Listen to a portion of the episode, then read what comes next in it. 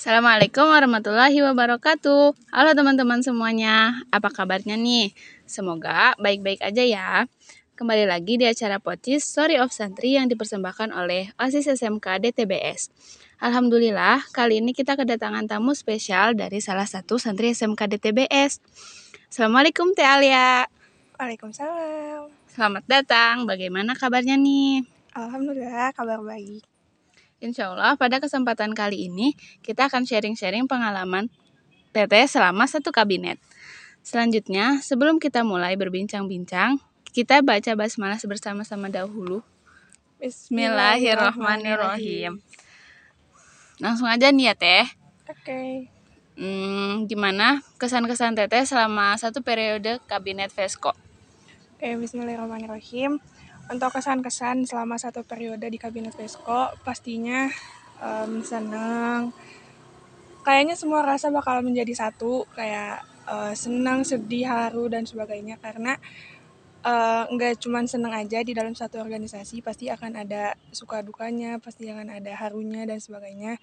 Karena kita aja di dalam kehidupan nggak cuman lurus-lurus aja gitu kan. Pasti akan ada lokaliku hidupan lokaliku kehidupan pasti akan ada masalah dan ujian sebalik uh, sebaik itu. Dalam organisasi pasti akan ada uh, masalah yang datang pasti akan ada ujian atau caci maki dari angkatan atau ada omongan-omongan dari setengah mata yang terkait organisasi osis dan sebagainya kayak gitu. Tapi pastinya yang aku rasain selama satu periode di sini kebanyakan senang karena banyak bisa mengambil banyak pengalaman-pengalaman yang dapat yang bisa didapat kayak gitu. Oke, selanjutnya hal apa yang paling seru selama satu periode kabinet Vesco? Kalau disebutin satu-satu pasti banyak banget. Cuman di sini aku yang paling seru baru uh, beberapa minggu yang lalu dari kabinet kami itu ada Mataba atau Masa Taruh Santri Baru, yaitu adalah salah satu event tahunan yang diadakan dari SMK Darut Tauhid Boarding School untuk mengenalkan atau membentuk karakter baku pada santri-santri yang baru masuk atau yang sekarang bertempatan di kelas 10. Terus ada juga event tahunan yang diadakan oleh kami, yaitu YAC atau Young Achievers and Care. Tahun ini kami mengadakan YAC ke-7 dengan mengundang beberapa tamu luar dan ada beberapa event-event lainnya juga yang gak kalah seru kayak gitu. Hmm, hal yang paling gak bisa dilupain selama satu periode.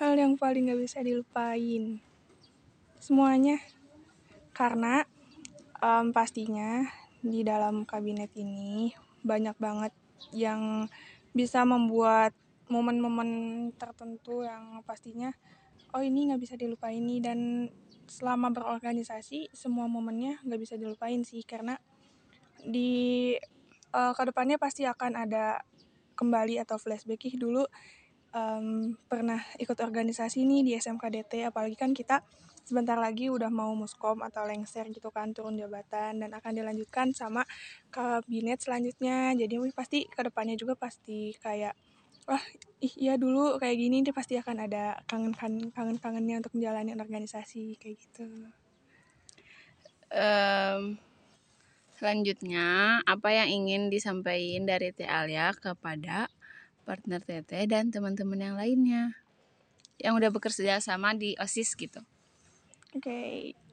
yang akan disampaikan terutama sama partner aku yaitu yang menjadi podcaster pada kali ini pada Aminah makasih banyak udah mendampingi atau membersamai untuk um, apa ya buk ya bisa disebut memimpin kabinet ini selama satu periode kurang lebih 10 bulan sampai 11 bulanan dari Agus dari Oktober 2021 sampai Agustus tahun ini.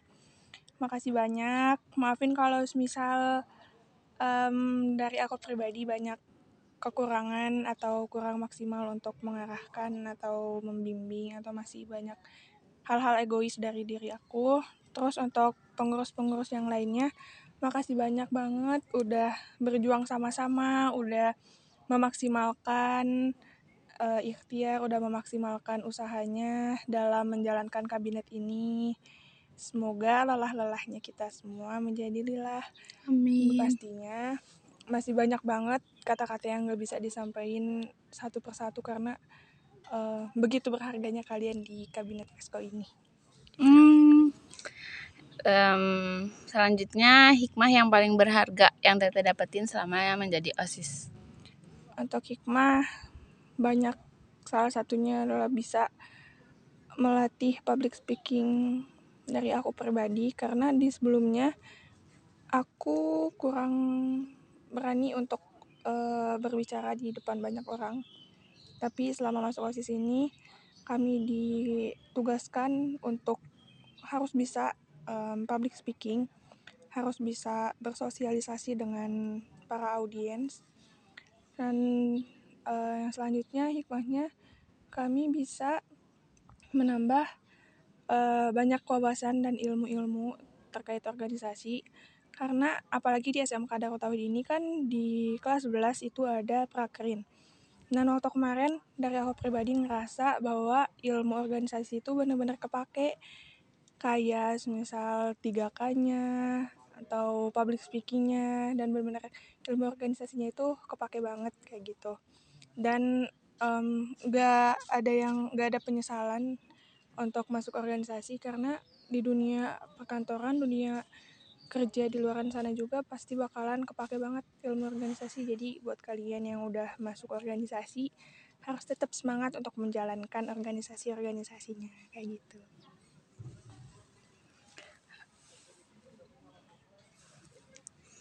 Uh, ya alhamdulillah podcast kali ini telah selesai. Terima kasih banyak Teh Alia yang sudah berkenan hadir dalam mengisi podcast pada hari ini dan terima kasih juga atas cerita-cerita yang sudah diberikan. Semoga menginspirasi kita semua.